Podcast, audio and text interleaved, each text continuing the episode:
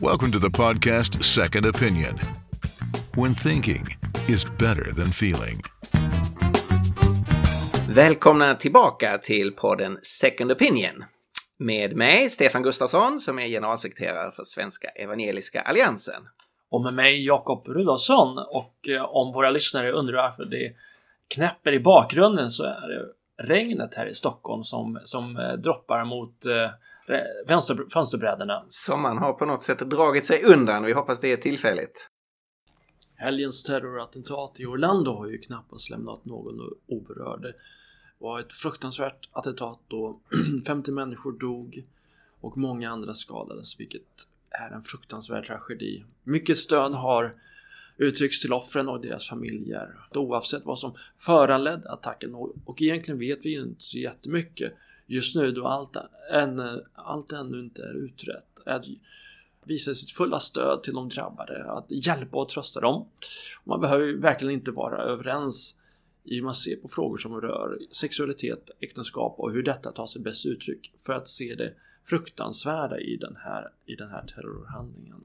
På samma sätt som efter attackerna i Paris förra året så eh, eh just mot satirtidningen Charlie Hebdo och nu i vintras då eh, många restauranggäster och, eh, och konsertgäster drabbades så väcker det sådana här frågor, väcker såna här händelser frågor om hur det öppna samhället hotas av, av sammanhang som ser människor som mindre värda och då tar sig rätten att döda dem som är annorlunda. Och inom SIA är det här frågor som vi har diskuterat en väldigt lång tid. Just, just friheten att tro och tänka själv. Friheten att bestämma över sitt eget liv och att då inte utsättas för tvång, eh, något tvång eller något våld. För ett par år sedan så gav vi ut det internationella samarbetsfördraget som just formulerar en, en konstruktiv väg framåt på, på just detta som är en av vår tids största utmaningar, att kunna leva i respekt för varandra trots våra djupaste olikheter och händelserna i Orlando visar just på behovet att fortsätta försvara det öppna och fria samhället. Och det, det är ju en, en oerhört tragisk situation där eh, alla vi som eh, tror på människovärde och som tror på ett öppet och fritt samhälle måste eh, uttrycka vår avsky över ett sådant illdåd. Vi kan se att många kristna ledare i USA har, har betonat det här. Man har uppmanat lokala kristna att vara med och ge blod, att visa konkret stöd till, till de sörjande, att vara med i, eh, i förbön och, och verkligen engagera sig. Mm. Detta är ju en, en tragedi där, eh, där, där, vi måste, eh, där vi måste visa i, i handling att vi tror på människans värde. Mm. Och alla vi som tror på människors lika värde, alla vi som har en, en kristen övertygelse och tror att alla människor oavsett religiös livsåskådning och livsval Eh, är skapade i Guds avbild att det är vårt ansvar att visa medlidande med våra medmänniskor och de som är rädda, de som lider och behöver tröst. Under veckan har det även dykt upp en hel del samtal och diskussioner kring gärningsmannens bakgrund och varför han skulle göra just den här gärningen och vad, är för, vad han var för sorts person. Han, eh, det kom tidigt fram att han visade att han uttryckt stöd åt Islamiska staten och att IS har även tagit på sig ansvaret för, för dådet. Ehm, mycket tyder på att han är självradikaliserad. Samtidigt så brukade han vara en, en gäst på gayklubben och att han själv skulle ha, då ha varit homosexuell. Och detta verkar vara rätt så motsägelsefulla uppgifter, eller hur? Ja, det är det ju och man får ju, man får ju ligga lite lågt här eh, innan vi vet mer och ifall det går och eh, eh, att få kunskap om en mer eh, en, liksom en tydligare bild av vem han var och hur han tänkte och varför han har gjort det här om det går, det går att, eh, att förstå. Eh, några har ju funderat över om eh, om det här, en sån här handling, alltså om, om man nu ser att, att han själv har befunnit sig i den miljön, eh, om det här skulle vara någon sorts handling från hans sida eh, att han vill kompensera sin egen synd mm. eh, genom eh, jihad. Till exempel i Sura 61, vers 10-12 eh, så talas det om att Allah erbjuder en byteshandel och det talas om eh, att använda sitt liv som insats och att göra det så ska man få eh, paradiset som belöning. Nu är jag ingen koranexeget eller koranexpert men det, det finns sådana här ställen och det finns fler ställen eh, i, eh, eh, i Koranen som verkar ha den här tankegången att man eh, kan kompensera sin synd genom att ge sitt liv i jihad. Och det skulle ju vara en möjlig tolkning av vad den här personen har gjort. Mm, det, det, är en intressant tolkningsnyckel och det behöver inte vara så. Men eh, eh framkommit liknande mönster i andra sammanhang. Bland annat så framkom det hos terroristerna som låg bakom attacken i Paris bara för några månader sedan att de skulle ha sett på en eh, nattklubb i Bryssel och eh, innan och gjort det så knappast skulle passa en, en from muslim. Det är ju en tankegång som, eh, eh som eh, eh Eh, som inte alla muslimer förstås eh, accepterar. Men det är ju en, en förfärlig tankegång mm. eh, att man genom, genom ett sånt här illdåd själv skulle kunna nå paradiset. Kontrasten här är ju total jämfört med det, det kristna evangeliet som säger att att vi alla har misslyckats i vår relation till Gud och att vi alla erbjuds förlåtelse, Guds nåd och som en konsekvens av det sen är kallad att göra gott mot människor, att leva i kärlek. Mm. Eh, som en konsekvens av att Gud själv eh, eh, förlåter och gör rätt, så att säga, det som vi har, har gjort fel. Mm. Så här blir ju en, en väldigt stor kontrast mellan en sådan tolkning av islam och det kristna evangeliet. Kontrasten består ju här i att, att i det kristna evangeliet så, så tar man emot förlåtelsen och i tacksamhet till Gud gör goda gärningar. Inom den här tolkningen av Islam så är det att man, att man försöker få förlåtelse från Allah, man försöker få förlåtelse för sina gångna synder genom att, att utföra det som, det som Koranen påbjuder. Just det, och det är inte, skillnaden ligger då i det här fallet inte bara i att eh, frågan om det är fri nåd eller gärningslära. Mm. Det ligger i detta fallet då också att själva gärningen är en Eh, en, en extrem och i sig själv alldeles fasansfull gärning. Mm, mm, eh, mm. Samtidigt som eh, eh, vi inte vet riktigt ännu vad motivet är bakom, eh, bakom den här gärningen och det, det kommer säkert att komma fram fler uppgifter eh, allt längre fram. Så är det ju otroligt glädjande att höra som, om så många solidaritetshandlingar runt om i världen. I, i tisdag så anordnade ju RFSL en stödmanifestation på, på Sergels torg i Stockholm för, för just offren i Orlando. Och vi gärna hade varit med på denna manifestation och tyvärr hade vi inte möjlighet att göra det. Och eh, därför att just när helst människor lider så måste vi som ett, ett, ett samhälle och att sluta upp och visa vårt stöd och visa medlidande och vår solidaritet. Men många skulle ju säga att, eh, att vi skulle i så fall ha en ny chans i och med Pride-paraden i sommar. Ja, just det. Ska vi, ska vi satsa på att gå där, Jakob? Mm.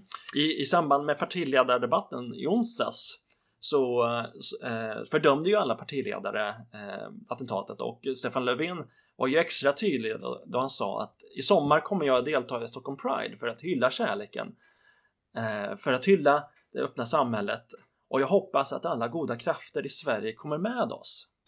Vad tror du om det, Stefan? Ja, det här väcker ju frågan att eh, behöver, man, behöver man gå i, i Pride-tåget för att stå upp för alla människors lika eh, värde? Mm. Och jag måste säga att, eh, att jag säger definitivt nej till det. Och jag tycker det är en intressant jämförelse här mellan manifestationen i tisdags på Sergels torg som var en manifestation mot våldet och förtrycket och för ett öppet och fritt samhälle. Det är en manifestation som, eh, som alla, eh, tycker jag, eh, bör kunna stå med i. Mm. Eh, därför att vi, Eh, vi slår vakt om varandras friheter och rättigheter och eh, värde. Eh, Pride-tåget och Pride-festivalen är ju någonting mycket mer. Även om det finns som en sida att man vill manifestera människors lika värde så är det också lika mycket en manifestation av specifika övertygelser kring livsstil, kring etiska frågeställningar, till synen på sexualitet, synen på manligt och kvinnligt, synen på familj, synen på barns rättighet till mamma och pappa. Det är ju en, en, en uppsättning av frågeställningar och övertygelser som har blandats samman med och kopplats ihop med eh, alla människors eh, lika värde. Och här tycker jag att det är eh, jag tycker det är eh, alldeles fel att man gör medverkande i Pride-tåget och Pride-festivalen till eh, liksom, eh, lackmustestet för tror du på människors lika värde. Eh, och, och, jag tycker att det är, det är väldigt naivt av statsministern att, ställa upp eh, på det här sättet. Vilken annan idéburen organisation får statsministerns sanktion och nästan så att säga en kravbild från honom att tror ni på människovärdet så ska ni vara med i denna ganska extrema eh, sammanhang. Man kan ju egentligen bara gratulera de som står bakom Pridefestivalen att, att de har blivit, fått, uppnått den här, eh, den här statusen. Att går man med där så står man för eh, människors lika värde och människors frihet. Eh, sen kan man ju ställa frågan, skulle det vara okej okay att gå i Pride-tåget Pride och ha ett plakat där det står eh, barn behöver en mamma och en pappa. Eh, man kan ju också göra en, en liknelse med till exempel Jesusmanifestationen Eh, där vi för ett antal år sedan efterfrågade från Stockholms läns landsting att man skulle flagga med den svenska flaggan eh, på SL-bussarna eh, under Jesus manifestation för att uttrycka sitt stöd med de kristna som förföljs och dödas på grund av sin tro. Ehm, nu, fick, nu blev det ett nej och eh, just på grund av att man inte ville stödja just en, en, en, en, en, en rörelse, liksom idéburen rörelse på grund av det här Eh, och vi förväntar ju oss inte riktigt att, att humanisterna ska, eller statsministern ska gå med i Jesusmanifestationen för att uttrycka sitt stöd för förföljda kristna. För att det är ju också ett, en manifestation för att Jesus är den enda vägen till Gud. Ehm, Um, det är ett bra mm. exempel. Där visar det, det, det, visar ju att man, man kan inte blanda samman sådana eh, så, här frågeställningar. Självklart så hoppas vi att, att alla människor oavsett tro vill vara med och manifestera eh, mot förföljelsen av kristna precis som mm. mot förföljelse av, av andra grupper. Mm. Men vi förväntas ju inte att det ska ske i samband med att man samtidigt upphöjer Jesu namn mm. om man nu inte själv bekänner sig mm. eh, till Jesus. Och här är, ju, eh, här är ju dilemmat. Jag vill väldigt gärna vara med och manifestera människors värde oavsett religion, livsstil, hur man ser på sexualitet. Mm. Men däremot så vill jag ju eh, förbehålla mig rätten att få tänka själv och ta alldeles egna ställningstagande i mm. hur ska man leva som mm. en, en sexuell varelse? Hur ska man tänka kring familj? Hur ska man tänka kring barn? Och de frågeställningarna här om människors frihet och rättighet och sen alla de här etiska eh, och politiska frågorna, mm. de behöver man ju faktiskt arbeta med var för sig. Jag tyckte att eh, Öckerö kommun Eh, när de nyligen blev, eh, blev tillfrågade om de skulle flagga med regnbågsflaggan, att de faktiskt tackade nej. Jag tycker det var ett ganska så konstruktivt svar de gav då, då man sa att vi flaggar inte på FN-dagen, vi flaggar inte på för Amnesty eller för BRIS eller för andra nationella minoriteter. Men det innebär ju inte att man tar ställning emot dem utan eh, man är för alla människors lika värde och här är ju väldigt viktigt som du säger att att hålla isär frågan om att bejaka idéer, rörelser och deras agendor samtidigt som man, att man står fast vid att alla människor har lika värde, alla människor är unika, alla människor har, har frihet att uttrycka sin övertygelse, sin identitet, sin sexualitet. Och där den friheten betyder att en person har frihet att välja sitt eget liv och en annan person har frihet att själv ta ställning till mm. vad man ska tycka om alla de valen. Mm. Och det är ju de här två frågorna som Pride blandar samman. Mm. Friheten att få leva sitt eget liv mm. och sen friheten att själv få lov att ta ställning i olika individuella frågor. Mm. Nu ska vi ta och gå över till en, ett samtal med Lasse Johansson, religionsvetare och lärare på eh, Örebro Missionsskola kring eh, yoga och eh, varför det just är så populärt i, i vårt västerländska samhälle just nu. the Swedish Evangelical Alliance. Christian faith in the marketplace. Välkommen Lasse Johansson, lärare på Örebro teologiska högskola till podden Second Opinion. Tack så mycket. Eh, du är ju inte bara lärare på Örebro teologiska högskola, du är även ansvarig för, ansvarig för tidskriften Nord. Vad, vad är det för något? Ja, vi försöker att spegla olika aktuella förändringar i tiden från kristna utgångspunkter. Och det senaste numret här handlar om mobiltelefonernas plats i våra liv och det finns ju skäl att diskutera de sakerna. Eh, vi har också skrivit om, om andlighet, eller överhuvudtaget tagit trender i tiden. Näst senaste numret handlade om fanatism som ju, som ju kyrkans folk och alla möjliga religiösa företrädare anklagas för ofta. Mm. Jätteintressant och, och det här nya numret låter ju väldigt spännande. Jag, eh, jag kan ju bara föreställa mig, och, eller jag, jag noterade själv i, i min egen vardag att att mobiltelefonen tar, all, tar allt mer plats i människors liv. Eh, hur vi tittar ner i vår, våra smartphones allt mer och väldigt sällan tittar på våra medmänniskor runt omkring oss. Det är som att vi, vi har mer relationer med människorna genom vår smartphone än, via, än i real life som man, som man brukar kalla det. Ja, det är verkligen väldigt påfallande. Hela sättet att finnas till i samhället har förändrats i grunden man kan inte ens ta sig, det var ju två år sedan redan som märkte att eh, ska man ta sig fram i Stockholms tunnelbana får man vara verkligen på sin vakt. För att mm. alla springer och tittar i sina mobiler. Mm, ja, visst, visst. Till och med cyklar. Jag på ja. att krocka flera gånger med människor som cyklar och uh, sitter och uh, grejar med telefonerna samtidigt. ja, verkligen. Men det ska vi inte tala om idag. Du, du är ju även religionsvetare och har studerat, eh, som vi sa tidigare, nyandligheter, nyandlighet och trender i samhället. Och, eh, jag tänkte ta pulsen lite grann på varför eh, det finns en sån fascination av yoga i, i Sverige just nu. Och det har ju även varit en hel del rapportering kring eh, både eh, Eh, eh, ett, ett stort yoga-event i Kungsträdgården som var i slutet av maj och sen har det också varit en, en, eh, en hel del rapportering kring en skola i Rydaholm där en grupp kristna föräldrar stoppade yoga i skolan och det har också, även, det har också skapat en, en stor uppståndelse. Varför tror du att, att, att den här frågan Ehm, om vi börjar just i, i, i, i den första änden, men varför är det, är det så trendigt i, i det västerländska samhället med, med just yoga? Ja, det är många förklaringar till det tror jag. Den här allmänna ska säga, må bra-trenden har ju pågått väldigt länge nu och utbudet av må bra-metoder har ju hela tiden utvidgat sig. Och här kommer och så till, till det så har vi då också en sjukvård som inte riktigt förmår att täcka upp och möta alla människors behov. Många av våra vardagliga behov idag är ju rent psykosomatiska och svåra att behandla. Så att det är en ytterligare orsak att människor söker sig till olika former av, av komplementära terapier.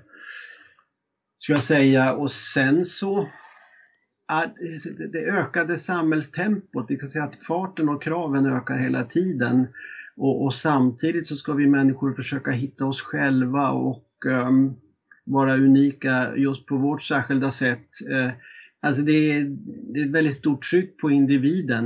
Um, om man dessutom ska vara på topp och må bra hela tiden som också förväntas att man ska lägga upp sitt lyckade liv liksom och visa upp det. Det är klart att det blir glapp på spänningar i det här och man försöker då eh, det här är ju en, ett, en metod som ju möter en slags behov av lugn och avkoppling som människor mm. lever, alltså man lever ju man lever ju liv som är som flipperspel. Vi pratade ju om detta mm. med uppkopplingen. Det är ju alldeles mm. för många människor som är alldeles för uppkopplade idag och som behöver sätt att liksom tagga ner eller koppla av helt enkelt och, få lite lugn och ro. Här kommer ju det också in i sammanhanget.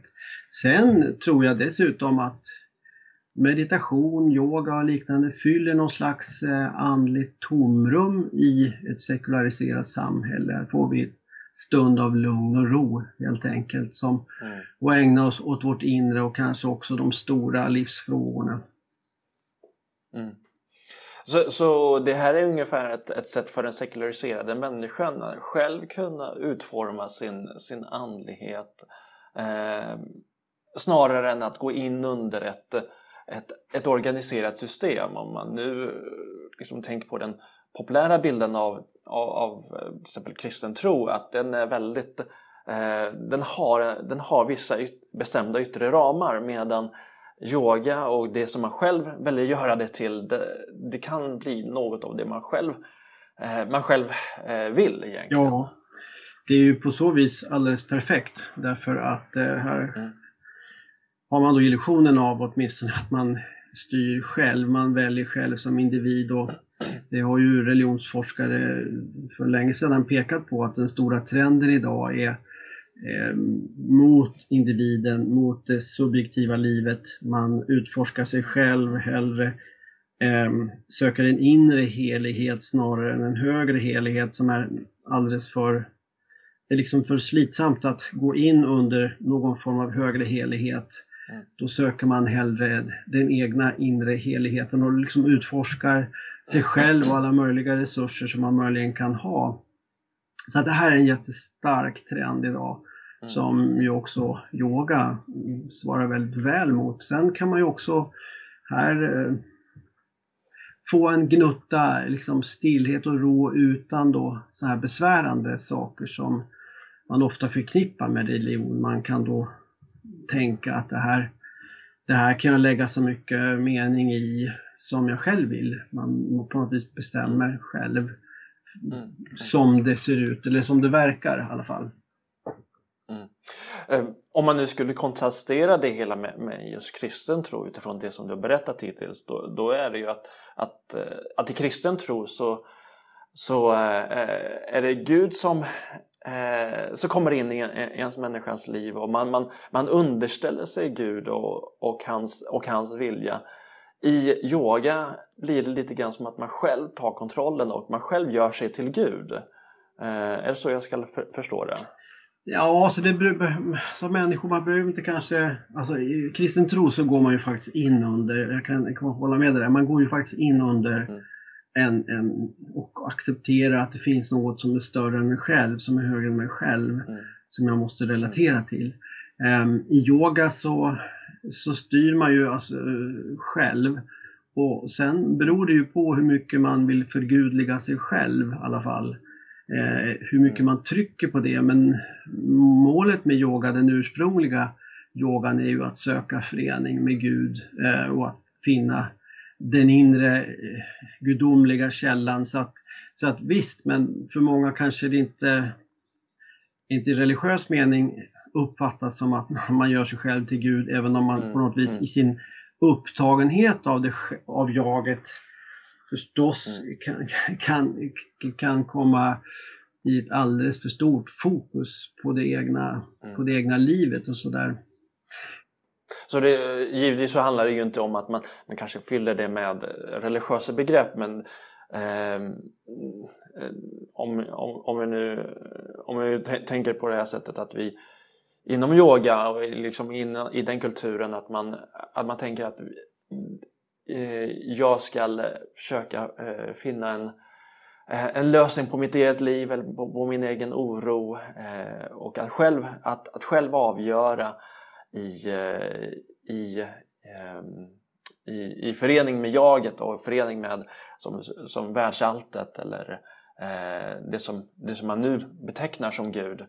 Eh, eh, att det, att det liksom blir ett, ett väldigt subjektivt sökande. Ja, jo, men absolut och som du var inne på så i din förra kommentar så handlar yoga om kontroll. Ytterst så handlar yoga helt och hållet om kontroll eh, att få kontroll över livsprocessen, att få, få kontroll över eh, kroppens motorik, eh, andningen, eh, sex, sexualiteten, eh, sinnesintrycken, tankeverksamheten. Det, alltså alla yogaböcker jag har hemma liksom säger ju det. Jag har, jag har ju liksom varit ute i Indien också under ett halvår och levt i de här miljöerna så att jag vet ju hur undervisningen bedrivs, hur den verkliga yogan kan formuleras och hur målen med den kan se ut. Mm, mm. mm. Jag skulle kunna berätta lite kort om just det, dina besök i Indien och, och, och eh, hur man där eh, betonar yoga. För det, jag tror att eh, många, av, många svenskar som, som tycker att yoga är väldigt liksom, positivt eller trendigt, att man ser det som att det fyller ett behov, kan, kan få ett allt mer större intresse och säkert bege sig till Indien och försöka söka liksom olika former, kanske djupare former av yoga. Ja, jag var ju, jag, ja, precis, eh, så är det ju. Många reser ju, som vill ta det här lite mer på allvar, reser ju iväg. Vi har ju känner flera stycken här i Örebro som har gjort en sån resa exempelvis, har varit perioder ute i Indien på olika ashrams. Eh, jag var ute där också för, det är rätt många år sedan nu, men eh, under en period på sex månader så var jag där för att studera de här fenomenen också och liksom se vad, vad, vad, vad, vad och också knyta kontakter med människor som lever i de här miljöerna och berätta, eh, liksom ställa frågor. Var, varför gör ni det här? Hur tänker ni på det här? Och så också, och också gå dialog utifrån mina kristna utgångspunkter då som jag hade med mig i bagaget om vad, vad, hur de här olika tolkningarna av, av tillvaron kan se ut. Och, och då, eh, ja, då, då, dels man får ju höra en daglig undervisning kring det här och eh, i praktiken och det, den ursprungliga, den egentliga yogan som praktiserades där är ju, syftar ju till att man, och det, det, det pratar ju många om att man, att man successivt ska, just som jag sa, väck, få kontroll över kroppens olika funktioner. Den här motoriken, vi upplever ju ofta det bara rycker och rör sig i vår kropp. Vi vaknar ju ibland på morgonen och undrar vad som har hänt, liksom, varför kudden ligger en bit bort. Och, eh, alltså kroppen är i ständig rörelse. Yoga handlar om att få kontroll över den här, eh, den här motoriken, den här ständigt pågående rörelsen i kroppen. Likväl som i tanken Eh, knoppen är ju ännu mer rörlig i, eh, än, än kroppen om man säger så. Det, våra tankar är ju fullständigt sjövilda. De kan ju dra iväg vart som helst. Också här i vårt samtal kan du sitta och tänka på andra saker som, som även jag. Va? Man liknar det här i, mm. i Indien, i den indiska kulturen vid eh, tanken som en flock eh, apor som tjattrar i träden. Och, man behöver liksom få de här aporna att sitta still eller sluta tjattra. Man behöver liksom få lugn och ro där. Man, man behöver liksom eh, alltså, om man upprepar ett mantra, man bombarderar, man bombarderar liksom sitt inre eh, med den här stavelsen så att man skjuter bort alla ovidkommande associationer och tankar och får, får den så att säga, tanken bara fixerad på en enda punkt, det vill säga den verklighet som mantrat, mantrat handlar om. Så, att det är en slags och sen tar man, strävar man ju ofta kontroll över andningen, alltså att få liksom kontakt med sin andning, det är ju en väldigt god sak, om, speciellt om man är stressad mm. eller liknande. Men, men att, att, att, få kontroll över sin andning är ju också vad man eftersträvar, likväl som eh, sexualiteten som man också ska, det finns olika sätt att arbeta med den, men att också få kontroll över den eh, basala drivkraften i det mänskliga livet. Somliga använder den här sexualiteten för att eh, som ut, använder den som en dynamo eh, mm. i den andliga utvecklingen där den sexuella energin kan användas till, omvandlas till andlig energi. Eh, det är det som man sysslar med inom tantra exempelvis, tantra-yoga. Mm. Ehm, sen har du en annan aspekt av det här också, det är ju att minska, reducera sinnesintrycken, att, eh, att minimera dem ehm, och att så att säga gradvis leva ett allt, allt mer i det inre livet. Det finns, I den inre världen det finns en bild av yogin i, i Bhagavad Gita där man liknar yogin vid en sköldpadda som drar in alla sina mm. lemmar i skalet och lever i den i den inre världen. Alltså det här är en process som jag beskriver nu som, mm. som väldigt nära förknippas med traditionell yoga i olika skolor som, mm. som då mm. mm. syftar till att människan ska, eh, ska säga, få ökad kontroll, reducera de här vardagliga livsfunktionerna och nå mer och mer fram sin gudomliga kärna och samklangen med Gud. Mm. Eh, och det är ju väldigt långt ifrån den här Friskis och svettis-yogan som vi mm. ser i Sverige mm. idag. Där, eller mm. om man skulle använda ett ålderdomligt uttryck, någon slags husmorsgymnastik. så att säga. Alltså det, det, det är ju så långt ifrån den som man kan komma så att det är lite ironiskt kan man säga. Så mycket av det som de, eh, de här olika uttrycken för liksom, begreppet yoga det, det skiljer sig väldigt mycket åt och, och vad varför tror du just att, eh, att det uppfattas så problematiskt just ifrån kristet håll? Och vi har ju varit lite grann inne på det att, det, att yoga eh, liksom, är ett grundläggande sätt att nå sin egen gudomlighet eller nå eh, någon form av gudom som ligger utanför eh, den, kristna, den, kristna, den kristna tron och den kristna vägen där evangeliet kommer till människan, människan och genom yoga så ska man själv uppnå eh, någon form av gudomlighet och eh, det har ju skapat väldigt mycket eh, många samtal och många diskussioner inom, inom, inom eh, kristenheten i Sverige och runt om i världen också för den delen. Ja, nej, men jag, jag, jag, jag tror att många, många kristna reagerar på detta därför att man, man tycker att det här går väldigt lättvindigt in i det offentliga livet, i skolan och vården och så här. Och, och, man kan ju reagera och tycka att det är, det är eh, någonting som, som eh, jag, jag har ju synpunkter på det att jag tycker det är så anmärkningsvärt att sådana här eh, saker som yoga så, så lätt blir en del av det offentliga utbudet medan motsvarande kristna övningar absolut skulle mm. väcka enorm debatt. Så att, mm. så att här, och det här vill jag gärna kommentera lite mer alldeles strax. Att, att, mm. Mm att vi behöver väcka frågor kring den här, de här övningarnas plats i samhället idag. Men sen, sen tror jag ju, eh, sen, sen, är det ju också så att många upplever att det här är en, en, en annan religiös tradition som utmanar en, en kristen människa och här kan man ju då ha synpunkter i det egna personliga livet eller när det gäller hur den, vilken plats det här kan ta i olika församlingar och kyrkor och man kan tycka att det här är element mm. från en från en annan religion som, som, vi, som man vill ska säga, eh, hålla sig borta från. Ehm, så det finns många nivåer av reaktionen här, eh, här förstås. Eh, och det, är inte konstigt tycker jag att folk reagerar. Ehm, mm. Men det var ju, du nämnde ju Rydaholm men vi kan ju också nämna mm. Askersund. Här, mm -hmm. Utanför, Örebro, söder om Örebro. Utanför, utanför Örebro ja. När det var en, där det var en skola man skulle ha yoga och eh, man hade yoga, hade en instruktör där. Och sen hade, kom det ju fram att eh, ansvarig på, på kommunen eh, och de ansvariga där hade tagit ett principbeslut att man inte skulle ha yoga och mindfulness i skolan. Eh, och då blev det en affär kring det här och föräldrarna tyckte på. Eh, därför att de tyckte detta var fördomsfullt, man ville ha in yoga i skolan. Så att det var mm. föräldrarna som tryckte på. Föräldrarna kan ju trycka på att inte vilja ha, men här var det så att föräldrarna trycker mm. på för att vilja ha yoga i skolan och det kommer att bli mm, ett, ett allt mer ökande fenomen skulle jag tro.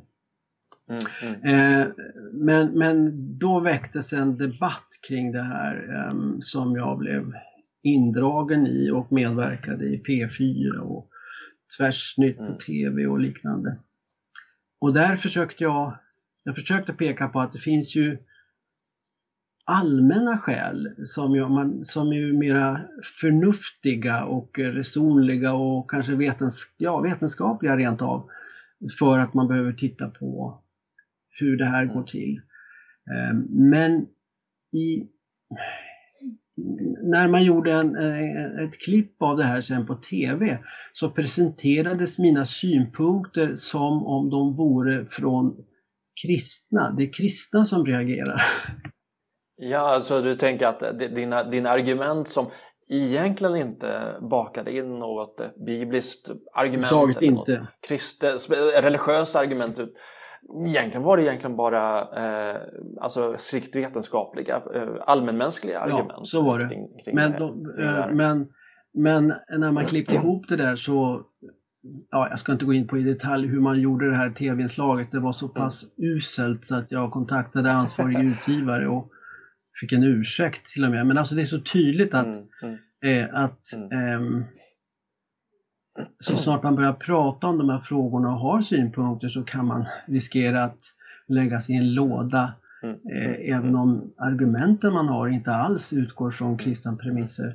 Vad jag gjorde där i det sammanhanget var ju bara att jag försökte peka på att man ska se på vilka övningar som, som inkluderas i en vanlig skolsituation eller inom vården Mm. exempelvis. Är, det, vad är det rimligt att acceptera? Eh, Jag menar, det är ju ganska känt här, den där incidenten på skolan på Östermalm där man skulle Mm, sitta i, från förskola upp till årskurs 3 och upprepa ett, ett mantra exempelvis. Mm. Östermalm i i Stockholm. Stockholm, tänk- ja, just det. Ja. Precis, och det att man upp, upprepar det mantra utan att tänka att det, att det faktiskt kunde för många vara en religiös övning. Nej men visst, eh, och det här var ju, blev ju en anmälan på detta till Skolinspektionen och Skolinspektionen kom ett utlåtande där man eh, säger att eh, det går alldeles utmärkt att upprepa ett mantra om man gör det utifrån ett fokus på hälsa och välbefinnande. Eh, och det var anmärkningsvärt. Eh, jag fann- befann mig i debatt med den människa som var sakkunnig i det här fallet också på Skolinspektionen i, i, i samma veva som den här, Ås, eh, den här Askersundsaffären var. Men ja, där tycker jag Mm. alltså ändå att det finns gränser. Kan man, kan man sitta och upprepa en stavelse som är den centrala stavelsen i en av de stora världsreligionerna, hinduismen, som dessutom är laddad med alla möjliga innebörder där varje bokstav refererar till olika gudar. Kan man sitta och säga sånt eh, bara med fokus på hälsa och välbefinnande? Och även i sjukvården så förekommer det ju olika former av så kallad medicinsk yoga. Ja, det är, ju, det är ju särskilt intressant och märkvärdigt rent av, eller anmärkningsvärt till och med, att man Uppsala Akademiska sjukhuset använder medicinsk yoga för rehabilitering av cancerpatienter. På Danderyds sjukhus och Karolinska också jobbar med detta och medicinsk yoga är ju faktiskt också innehåller också ett mantra som ska upprepas eh, som har sina rötter i kundalini-yoga. Och det är, det är ja, intressant att eh, man lyckas genomföra det. Och Det stör sig att man sitter och upprepar ett mantra som heter Satnam som är ju där man liksom egentligen tillber sanningen som bor inom en själv men det är ju likfullt ett, en, en religiöst laddad stavelse och att man gör det inom etablerad eh, offentlig verksamhet. Det borde ju rimligtvis störa det sekulära sinnet. Tycker jag. Det är ungefär som man skulle säga Jesus, Jesus, Jesus ett antal Ja, just gånger. det. Och, och så strunta i innebörden i orden. Och då kan man ju verkligen fråga, Mm. var går gränsen här? För eh, en människas personliga integritet och andliga integritet kan vem, vilken människa som helst ta vilka ord som helst i sin mun och tycka att det spelar väl ingen roll vad de betyder. Tänk om man skulle använda samma inställning till språket och ordens betydelse inom politiken i det offent- en annan del av det offentliga rummet. Och s- vi vet ju, vi vet ju hur, vilket hallå det blir om någon råkar säga fel ord. Eh, Där är man ju väldigt noggrann med vad orden står för och betyder. Men inom religionens värld så Mm. spelar det ingen roll tydligen. Orden blir vad man själv ger dem liksom för innebörd. Mm. Mm. Och här tycker jag, det här, det, här är ju, jag tycker jag, det är en slags eh, ganska rimligt resonemang. Och, och på Mm. flera andra nivåer. Ja. Mm. Vi ska strax eh, avrunda.